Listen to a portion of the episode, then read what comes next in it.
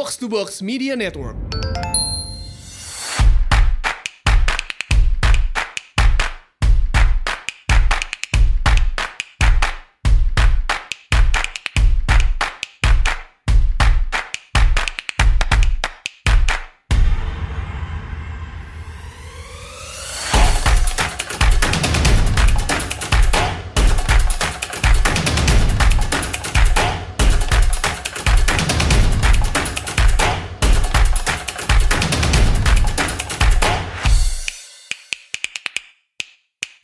Selamat datang lagi di Asumsi Bersuara bareng gue Raya Stu dan kali ini kita akan bahas satu isu yang lagi rame nih tentang dui fungsi TNI ini apakah kembali lagi dan sekarang gue kedatangan Albert Andy. Halo Andy. Halo, halo. Ya jadi Albert Andy ini adalah um, pengamat militer ya. Bisa dibilang begitu gak? Bisa dibilang begitu. Ya, jadi Albert Andy ini juga uh, sebelumnya pernah um, M Masters ya di Universitas Pertahanan. Benar. Iya, jadi juga banyak kenal lah ya dengan uh, tentara-tentara yang classmates lu dulu tentara-tentara banget. Classmates-nya kebenaran eh, kebanyakan kolonel. Oke, oke. Jadi pas banget nih, pas banget karena isu yang kita mau bahas adalah tentang uh, yang lagi rame belakangan ini. Jadi Pak Jokowi ini sempat di akhir 2000 akhir Januari kemarin mengumumkan adanya wacana restrukturisasi di TNI di mana akan ada 60 pos jabatan struktural baru untuk bintang 1, bintang 2, bintang 3 gitu kan dan juga katanya termasuk memasukkan sejumlah nama tentara ke kementerian-kementerian. Dan kemudian ini ribut gitu, kemudian ini rame Benar. karena orang-orang langsung panik, langsung teringat memori trauma Orde Baru lah ya. Betul. Bahwa zaman dulu tuh tentara masuk ke semua aspek kehidupan kita gitu di fungsi Betul. TNI gitu kan.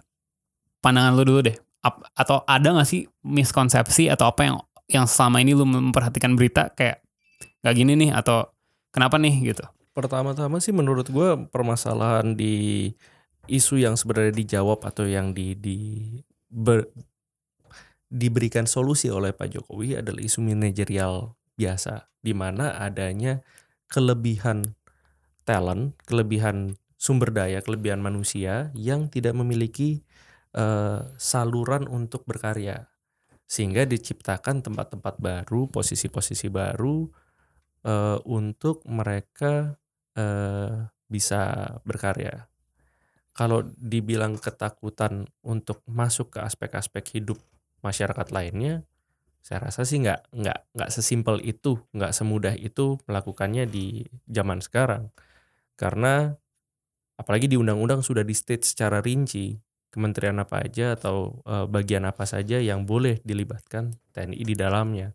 Sehingga untuk melakukan apa yang diusulkan oleh Pak Jokowi, langkahnya tidak bisa Pak Jokowi saja yang melakukan, harus ada approval juga dari DPR. Which is dengan waktu yang semepet ini sih nggak nggak nggak mungkin. Bentar-bentar. Jadi sebenarnya tuh di undang-undang udah ada TNI itu boleh masuk ke kementerian-kementerian gitu. Ada di di di U 34 tahun 2004 eh, pasal 47 kalau nggak salah. Di dalam ayat-ayatnya di state secara rinci bidang kementerian apa saja yang yang di luar militer yang boleh ditempati oleh TNI aktif. TNI aktif nih, ya, bukan TNI purnawirawan, bukan. pernah- Jadi itu ada ada ada belasan kementerian yang boleh kurang seperti lebih. itu dan itu sampai sekarang juga udah banyak Iya, sebenarnya. dan dan dan dan ini kan eh, produk lama ya 2004 dan memang sudah terjadi sejak tahun 2004 kementerian-kementerian tersebut kayak kita sebut Polhukam, SAR, terus eh, kementerian lain berhubungan dengan sandi, intelijen, Setmilpres itu kan isinya militer-militer aktif semua. Oh, itu bukan di dalam bukan di dalam organisasi TNI ya. Itu Bukan di, di dalam. itu di KL kementerian lembaga.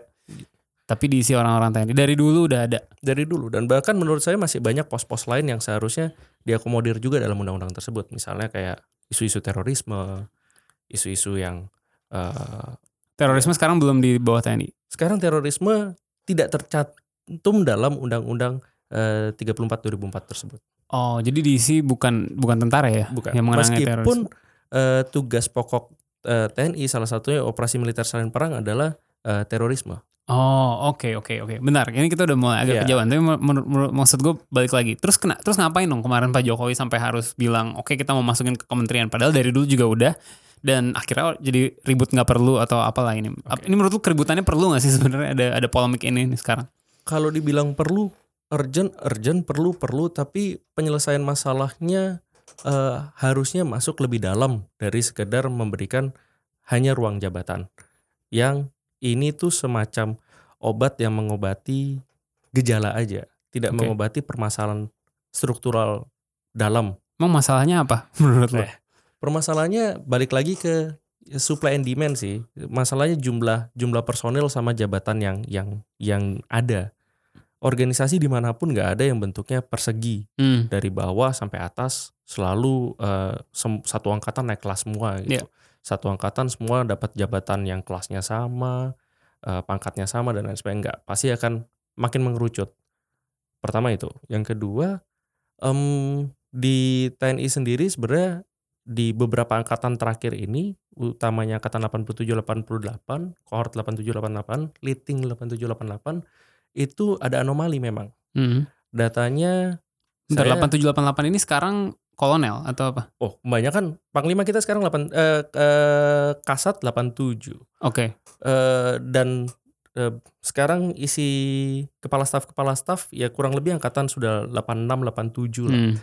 Hmm. Di mana sudah mulai saturated ini. Udah benar-benar jabatan-jabatan makin tipis.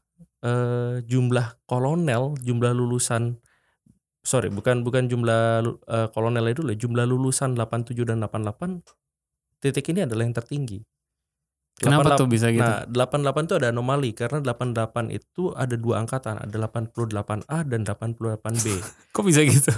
Uh, ceritanya gue mungkin agak ada potensi salah ya, tapi sepemahaman gue waktu itu ada perubahan struktur masalah kita berubah dari cawu ke semester atau semester ke cawu sehingga menyebabkan ada dua eh, lulusan dalam tahun yang sama. Oke. Sehingga ada yang daftar bulan April, ada yang daftar bulan Agustus kalau nggak salah. Ada ada dua bulan yang berbeda yang menyebabkan ada dua angkatan pada tahun eh, akmil yang sama. Oke, jadi sekarang ini jumlah kolonel yang menunggu menjadi bintang satu brigjen gitu di di Indonesia ini lagi paling banyak-banyaknya Iya. karena 20-an tahun yang lalu ada satu angkatan yang sorry ada satu tahun yang ada dua angkatan tentara Betul. gitu. Betul.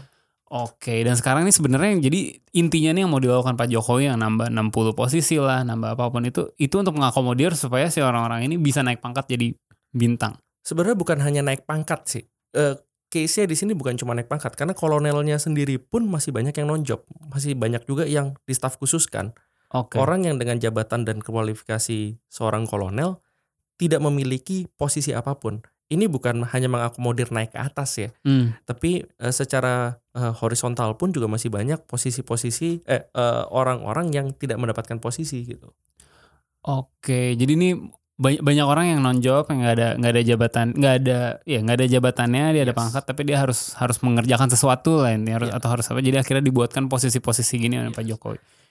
nggak ada jabatan nganggur sih sebenarnya Hmm. nggak ada kata-kata nganggur gitu kalau Oke, di dalam oke. TNI jadi eh, biasanya dibuat saya dikamuflasekan menjadi jabatan staf khusus gitu Staf khusus tuh sebenarnya Iya. non di lantai gitu. tujuh kan atau di lantai delapan kan gitu itu itu eh, jadi jadi jargon tersendiri bagi para perwira-perwira yang non job Oke. tidak punya jabatan struktural lah. Oke. Kalau 60 posisi ini lu tahu sebenarnya 60 posisi ini di mana dan dan itu kontroversialkah gitu penambahan 60 posisi ini di dalam struktur ini di di kementerian dan di TNI berarti ya? Sementara ini eh, data-datanya gue harus verifikasi lagi lebih valid lagi ngobrol-ngobrol lagi nyari data lebih dalam tapi eh, kebanyakan ini peningkatan klasifikasi jabatan atau klasifikasi jabatan maksudnya dari jabatan kolonel menjadi bintang Maksudnya satu Atau- posisi yang tadinya biasa dijabat seorang kolonel jadi, Jadi dijabat bintang. bintang, satu. Ya. Inflasi lah ya. ya dan juga perlebaran-perlebaran kita ngomongin koter komando teritorial gitu jadi ada beberapa daerah misalnya eh, eh, struktur kodamnya dipecah dari yang eh, satu Sulawesi di, dipecah beberapa. Ter kemarin juga kejadian di Papua. Kita juga sekarang punya eh, satuan kostrat baru di Papua. Ada satuan eh, angkatan udara laut dan lain sebagainya juga baru di Papua yang menyebabkan keluar nih. Ada ada potensi jabatan struktural dari atas sampai bawah dari bintang sampai ya bintara tamtamannya juga terserap banyak Oke. di sana. Tapi kalau dari kebutuhannya sebenarnya ada nggak sih? Karena gue gue sebagai orang awam ya, sangat awam, gue sangat nggak mengerti tentang peperangan dan sebagainya. gue melihat sekarang keadaan lagi damai-damai aja kayak nggak ada perang di mana-mana gerakan separatis juga lagi adem ayem kayaknya nggak terlalu banyak kelihatan mungkin di Papua sedikit tapi maksud gue keadaan lagi adem ayem aja menambah 60 posisi baru ini sebenarnya ada kebutuhan nggak sih TNI atau ya negara ini pu- punya 60 posisi eh, tingkat atas Oke. lagi di TNI ini sebenarnya ada ada nggak sih manfaatnya selalu ada kebutuhan sebenarnya. Jadi kalau perang itu justru pada saat masa damai ini adalah masa-masa yang kita harus paling giat bekerja. oke Karena ya sama kayak uh, orang latihan, latihan akan lebih bloody dibandingkan pada saat mainnya sih Hmm, harusnya. hmm. Karena tanpa persiapan pada saat benar terjadi perperangan ya kita nggak nggak punya uh, apa ya strategi yang cukup atau uh, waktu momentum yang cukup untuk menjawab tantangan tersebut. Kalau dibilang perlu, perlu, perlu banget. Ada ada wilayah-wilayah tersebut. Indonesia ini wilayahnya luas sekali. Sedangkan kalau kita ngomongin eh, jumlah satuan, jumlah manusianya, lalu alusistanya dan lain sebagainya, masih jauh dari cukup sebenarnya. Mm-mm. Jadi kebutuhan-kebutuhan pembentukan eh, wilayah-wilayah pertahanan ini yang baru, jabatan-jabatan baru ini memang sudah jadi tantangan sih yang harus dijawab dan dikerjakan. Itu satu. Dua sih sebenarnya kalau kita ngomongin eh, pelebaran jabatan dan lain sebagainya, banyak juga sih sebenarnya peluang-peluang yang eh, bisa mengakomodasi lebih besar lagi daripada ini. Eh, akomodasi yang lain yang bisa dilakukan misalnya persiapan masa damai ini masuk ke eh, jabatan-jabatan eh, yang berhubungan dengan industrial, Oke, maksudnya apa nih? Gue masih, gue gue nggak paham banget nih. kemandirian pertahanan misalnya gitu. Kita ngomongin eh, pada saat nanti masa perang nggak ada lagi nih yang eh, disebut eh, barang-barangnya personal gitu. Pada saat kondisi perang tuh harusnya produk-produk atau seluruh sumber daya nasional diutamakan untuk keselamatan dan kemenangan perang itu sendiri. Nah, apakah sekarang Indonesia sudah siap mengarah ke sana? Adakah plan-plan jika terjadi apa-apa, apa yang harus dilakukan? Mhm. Bagaimana dilakukan? Apa saja yang harus dilakukan? Apakah industri-industri misalnya dari yang biasa membuat karoseri mobil lalu menjadi berubah dari karoseri mobil menjadi kendaraan perang misalnya? Hmm. atau kapal-kapal nelayan, kapal-kapal yang biasanya menjadi kapal-kapal eh, nelayan biasa lalu menjadi kapal-kapal yang siap eh, berperang. Nonton Dunkirk nggak? Hmm, nonton Nah, Dunkirk. ya, ya, ya kurang-kurang lebih eh, konsep-konsep seperti itulah. Nah, itu kan juga bisa jadi jabatan-jabatan lain sih sebenarnya yang eh, dilakukan oleh mereka tanpa kita harus takut. eh, Jabatan-jabatan lain gimana tuh maksudnya untuk mempersiapkan supaya industri swasta kita bisa dikonversi menjadi industri militer di saat perang gitu. Itu ada di tempat lain ada kayak begitu maksudnya itu suatu hal yang oh, normal. Banyak. Kalau di Jepang terjadi seperti itu, di Korea pun terjadi seperti itu. Korea Utara pun terjadi seperti itu. Dan dan dan di semua negara eh, bisa dan harusnya diatur seperti itu. Di Indonesia, setahu saya sedang jalan RUU Sumdanas, tapi sumber daya nasional itu Mhm. masalah mobilisasi, demobilisasi pada saat masa genting. Tapi saya nggak tahu perkembangannya sepertinya stagnan nggak nggak ada Oke. nggak ada kemajuan. Ini sih 60 jabatan baru itu termasuk yang tadi barusan lu sebut ini atau enggak justru atau menurut lu itu justru satu hal yang kayak harusnya bisa di- lebih banyak lagi nih Yes. posisi-posisi baru. poinnya lebih lebih bisa dieksplor lagi dari 60 jabatan dari sekedar 60 jabatan itu sebenarnya masih bisa jauh lebih banyak dieksplor lagi andai kata kita ngomongin bina potensi maritim dirgantara atau teritorial yang digunakan eh, masuk ke industrial Oke, kalau gitu masalahnya di mana ya? Gue dari tadi belum menemukan nih masalah di mana. Karena, kan kayak masalahnya tadi katanya kelebihan jumlah kolonel. Mm-mm. Tapi kalau barusan lu juga bilang Oke. kebutuhannya sebenarnya juga jauh lebih banyak lagi gitu. So, where's the problem? Hmm, masalahnya kan kita ngomongin supply sama demand sama perubahan paradigma tadi sih Hmm. supply sama demand jumlah eh, yang banyak lalu jumlah jabatan yang sedikit maka kalau struktur seperti itu pertama yang eh, harus ada perubahan apa ya ke eh, perubahan peraturan lah atau perubahan kebijakan mengenai kenaikan pangkat Hmm. sekarang kenaikan jabatan-jabatan posisi-posisi tersebut harusnya bisa diisi. Kalau dengan kondisi seperti sekarang, bentuk piramida, maka harus keluar kebijakan mengenai up or out. Oke. Kebijakan yang mengenai lu naik atau keluar. Karena ya at the end mau kita alokasikan jabatan seperti apa pun di mana pun itu kan sebenarnya posisi-posisi temporer. Mhm. Posisi-posisi yang eh, tidak tidak secara struktural selamanya akan ada. Lain eh, dan poin masalah kenaikan jabatan eh, up or out ini menjadi krusial karena eh, kalau nggak ada ya masalah seperti ini nggak akan pernah selesai Oke. sepanjang apa pun selalu akan keluar. Perlu kita sadari bahwa TNI ini bukan kayak organisasi biasa. Hmm. Organisasi militer itu nggak kayak organisasi kita ngomongin apa ya eh, MT gitu, yang satu angkatan MT semua ada potensi semuanya jadi direktur gitu. MT cuma berapa, lalu jabatan seperti apa. Ini kita ngomongin organisasi militer yang pada dasarnya mereka dilatih untuk membunuh.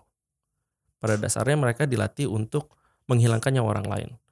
Jadi orang-orang yang nganggur itu kan punya potensi untuk jiwa survive-nya harus tetap ada nih. Mereka akan melakukan melakukan segala cara untuk survive. Hmm. Dan kalau nggak diakomodir, ya basic skill mereka tadi ya gunanya kan tujuan-tujuannya untuk hal-hal yang destruktif, tidak baik Oke, dan lain sebagainya. Ada Udah, mulai serem nih ya kan? diskusi. ada ada ada ada potensi untuk untuk eh ke sana sehingga jadi urgent sebenarnya. Kenapa harus selalu dijawab sih masalah-masalah Oke, seperti ini soalnya tadi gue sebelum lu ngomong gini gue baru aja mau bertanya kayak bahwa satu organisasi itu piramida itu kan ya di mana-mana pun begitu gitu Yes. mau di swasta mau di lembaga non profit mau di kementerian lembaga kan semua sama gitu kan jumlah orang yang ada di bawah pasti lebih banyak dari jumlah orang yang ada di atas gitu dan itu Siap. suatu suatu fact of life aja gitu dan kalau frankly speaking menurut gue nggak ya nggak harus semua orang naik pangkat gitu nggak harus semua orang setiap berapa tahun sekali naik kalau sekarang di tentara kan lu lulus akmil udah pasti kan empat tahun sekali naik Betul. letnan satu apa Letnan kapten gitu kan Dan mayor. mayor sampai akhirnya jadi kolonel terus mungkin dari situ tergantung untung-untungannya lu baru naik jadi Benar. uh, brigjen atau enggak tapi kalau gue sendiri melihatnya emang harus seperti itu maksudnya kayak kalau nggak ada posisinya atau nggak ada nggak ada alasan kayak prestasi atau kompetensi sehingga lu harus naik jabatan dan naik pangkat? Ya kenapa harus naik jabatan dan naik pangkat gitu? Dan sekarang ini seperti mau di extend lu dari kolonel ke bintang satu pun kayak harus dipaksa ya sem- ya semua harus bisa naik jadi bintang satu gitu. Sebenarnya nggak juga. tapi ya, ya itu yang Ya. terlihat di di sisi gue gitu. Kayak kayak kenapa harus kayak gitu? Kenapa nggak bisa kayak di di tempat lain aja gitu. Kalau kalau emang posisinya sedikit ya mohon maaf nggak semua orang bisa naik ke posisi tersebut gitu kan.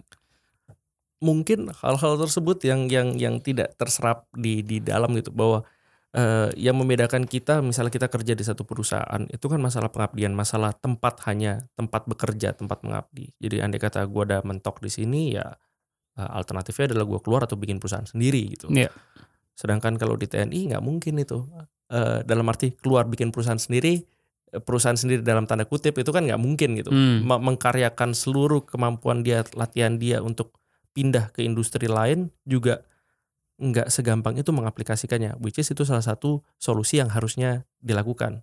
Persiapan karir kedua. Hmm, itu belum Jadi- ada sekarang nih? Sejauh yang saya lihat sih belum ada ya. Oke. Sejauh yang saya lihat belum belum terasa gitu ada persiapan karir kedua. Jadi untuk eh, perwira-perwira yang dapat golden check hand atau pensiun dini dan lain Hmm. sebagainya kebanyakan mereka mencari alternatifnya sendiri bukan eh, ada semacam program dari dalam sendiri untuk oke nih kita tahu sadar bahwa posisi seperti ini maka harus dipersiapkan andai Hmm. kata eh, mereka tidak layak untuk naik jabatan atau posisi tidak ada daripada menjadi burden juga di dalam angkatan dikaryakan deh di luar dalam posisi kerjaan atau eh, usaha yang apa yang suportif juga untuk Hmm. TNI misalnya. itu yang serem ya kalau dia mencari mencari Iya. kerjaan sendiri dalam tanda kutip Ya kebayang kebayang em, kita ngomongin orang yang dilatih membunuh, orang yang dilatih untuk membuat senjata, orang yang dilatih untuk mengekstrak informasi untuk kepentingan-kepentingan tertentu gitu. hmm.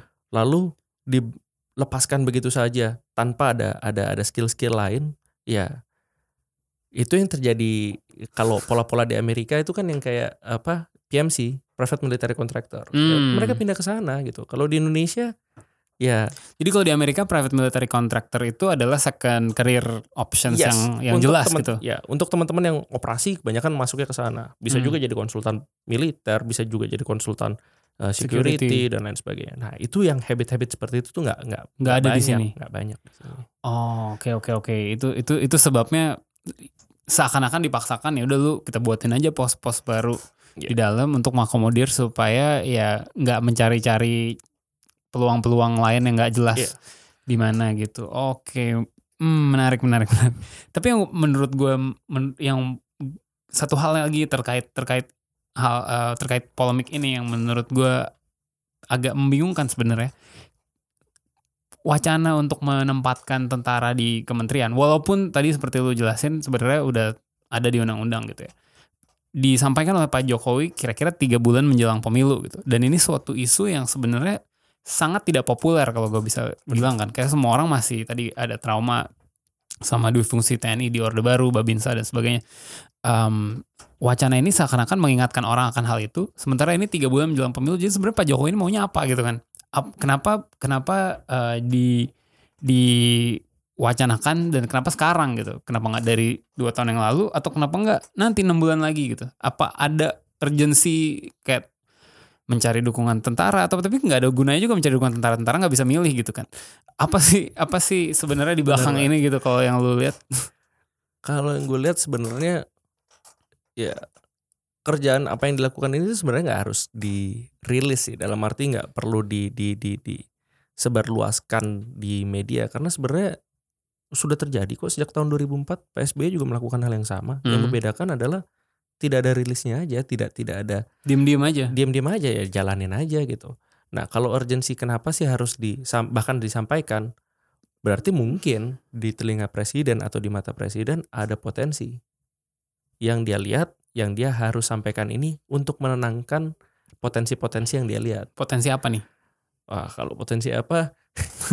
Eh, ya mungkin ada ada eh, dia ngeliat ya kayak tadi dibilang kan orang nganggur nyari kerjaan gitu. Nah daripada orang nganggur nyari kerjaan di sini deh gue kasih kerjaan gitu. Nah orang nganggur cari kerjaan ini kan akan eh, ikut ke orang yang bid paling tinggi.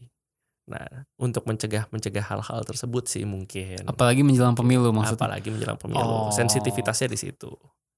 Supaya supaya nggak menjelang pemilu tiba-tiba ada Gerakan-gerakan gerakan-gerakan gitu. yang di dalamnya ada tentaranya yang Iya, karena oh, kurang lebih seperti itu itu itu Itu dari spekulasi ya spekulasi dari sudut Spekulasi. pandang gue. itu asumsi lu ya Iya, oke asumsi.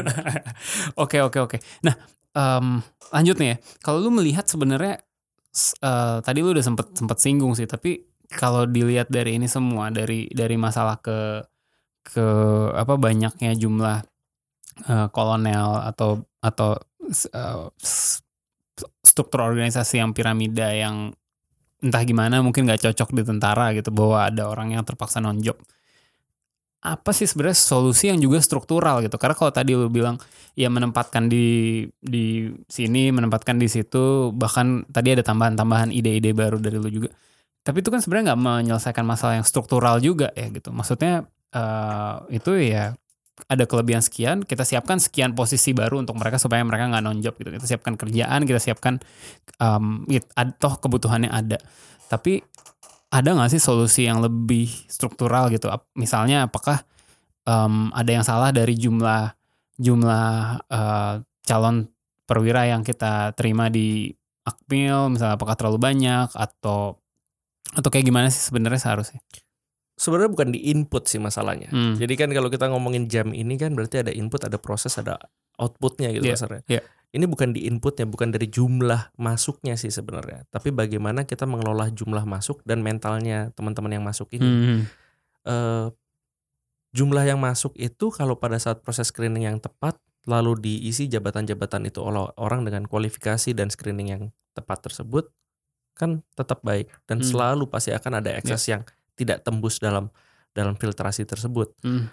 Ya, di treatment orang yang tidak tembus filtrasi tersebut untuk mendapatkan kesempatan second career. second career ini menurut Yang- lo adalah solusi Yes, struktural jadi solusi strukturalnya bahwa ya seperti doktrin yang mereka diserap juga gitu bahwa jadi TNI, jadi prajurit, jadi jadi ksatria itu nggak nggak harus eh, berada dalam struktur gitu. Mereka bisa melakukan itu, mendukung itu secara semesta juga dari luar Hmm. dengan ya mempersiapkan industri misalnya atau bekerja dalam industri, bekerja dalam ekonomi dalam dalam dalam proses pengabdian yang lain, nggak harus 100% di situ sehingga pola up or out itu jadi jadi policy up or out itu jadi penting misalnya. Tapi kan nggak tahu ya motivasi orang menjadi tentara apa gitu kan. Kalau misalnya yang gue bayangkan orang motivasi menjadi tentara adalah pengen membela negara. Kalau ada perang gue siap untuk me- mempertaruhkan nyawa gue demi negara segala macam.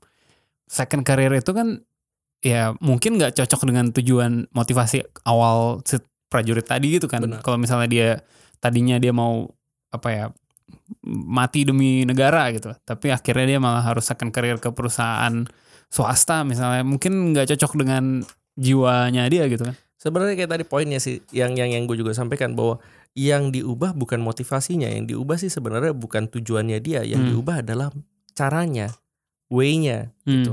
Bukan bukan bukan ends-nya gitu.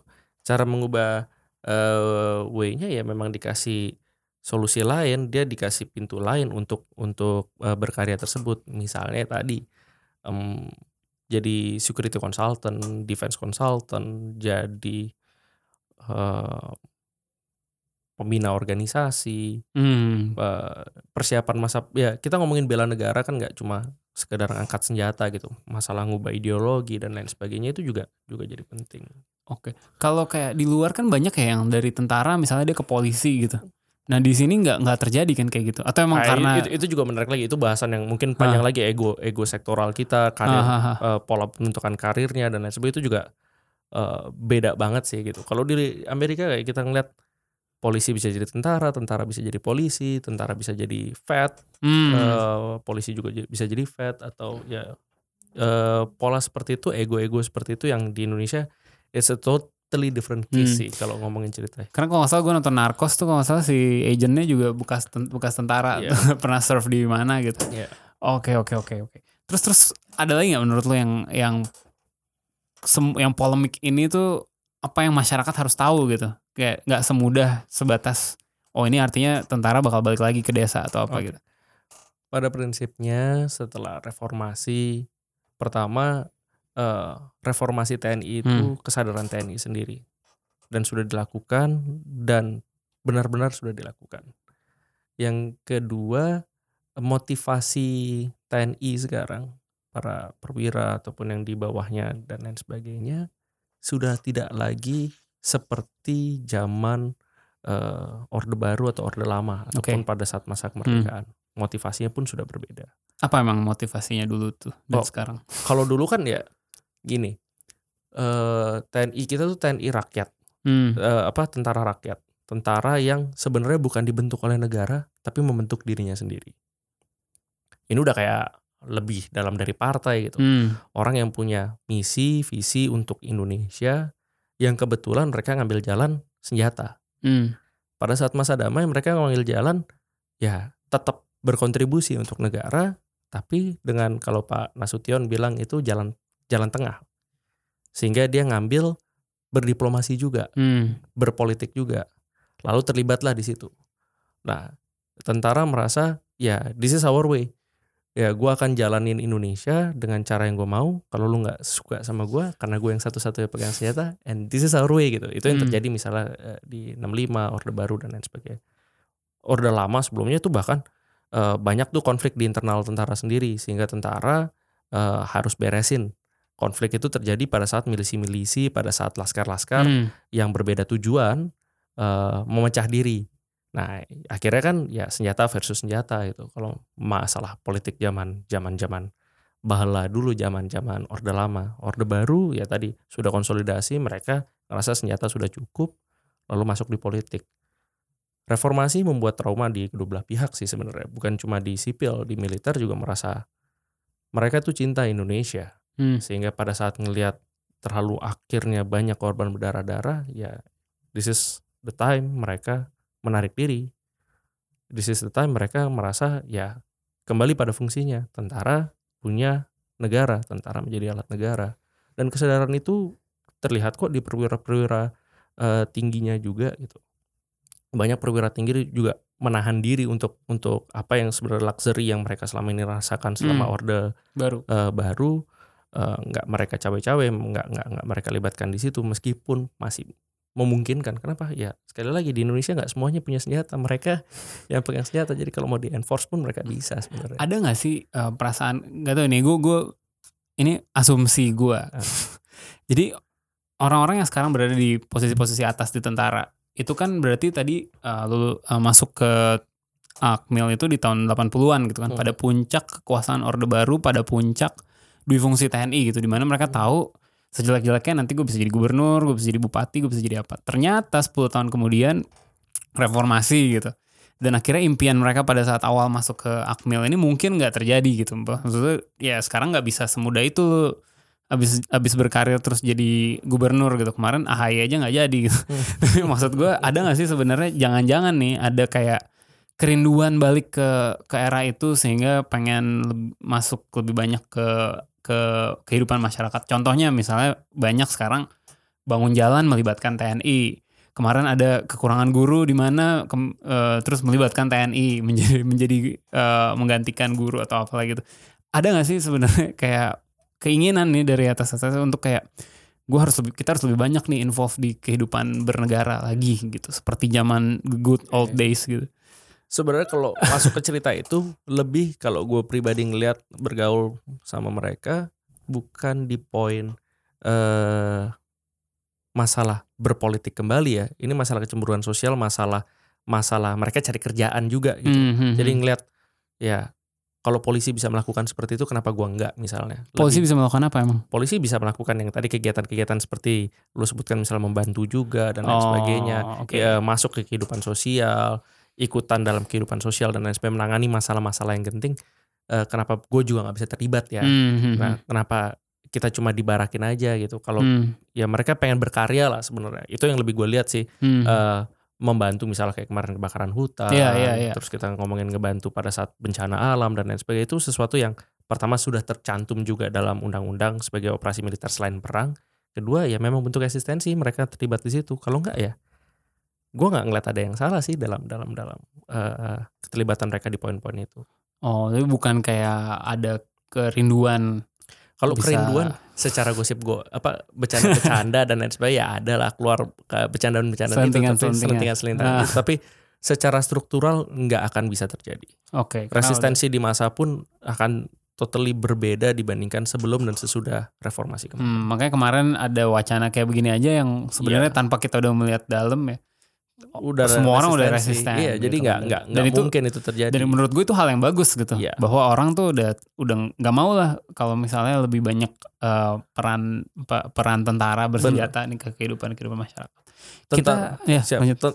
Intinya mungkin kalau ini mau nutup sekalian tentara itu Hmm. harusnya menjadi tentara profesional dalam arti tentara sebagai alat kekerasan negara fokus untuk mempersiapkan dirinya mengatasi atau mempertajam kemampuannya tersebut. Hmm. Sehingga dengan pelatihan seperti itu dengan fokus dan pekerjaan yang sebesar itu aja sudah cukup banyak sebenarnya yang harus dikerjakan daripada sekarang kita membuat solusi-solusi sementara yang menempatkan orang-orang terlatih ini di posisi-posisi sipil yang nggak butuh tuh kalian-kalian mereka seperti itu. Dan sebenarnya orang sipil juga banyak kok yang kurang kerjaan yang yang butuh kerjaan yang sama gitu untuk ditempatkan di posisi-posisi tersebut yang lebih skillful dan sesuai juga Oke. dengan, dengan Banyak posisi. juga kok kebutuhan di TNI yang bener-bener tentara banget Iya. yang belum terisi juga yang seperti Iya, tadi dan dan, dan belum bilang. dipersiapkan mungkin. Belum, dipersiapkan. jadi justru justru arahnya harusnya lebih ke arah sana ya Iya. daripada nyari di kementerian apa nih ada posisi kosong Iya. Taruh satu kolonel di situ. Oke, kita udah 30 menit. Eh, kali ini obrolan kita sampai di sini. Thank you banget nih Andy udah Sip, Thank you. banyak share insight-insight tentang ketentaraan Indonesia ya. Gue banyak banget belajar hari ini. masih banyak kok yang gua nggak tahu juga masih masih belajar juga. Oke, oke. Thank you banget semua udah dengerin Asumsi Bersuara hari ini. Jangan lupa uh, follow Asumsiko Box to Box ID. Um, follow di Spotify, follow di Apple Podcast, um, kasih bintang 5, kasih rating review supaya kita makin banyak lagi yang denger, di share di Twitter segala macam. Sampai jumpa lagi hari Selasa depan ya. Ciao.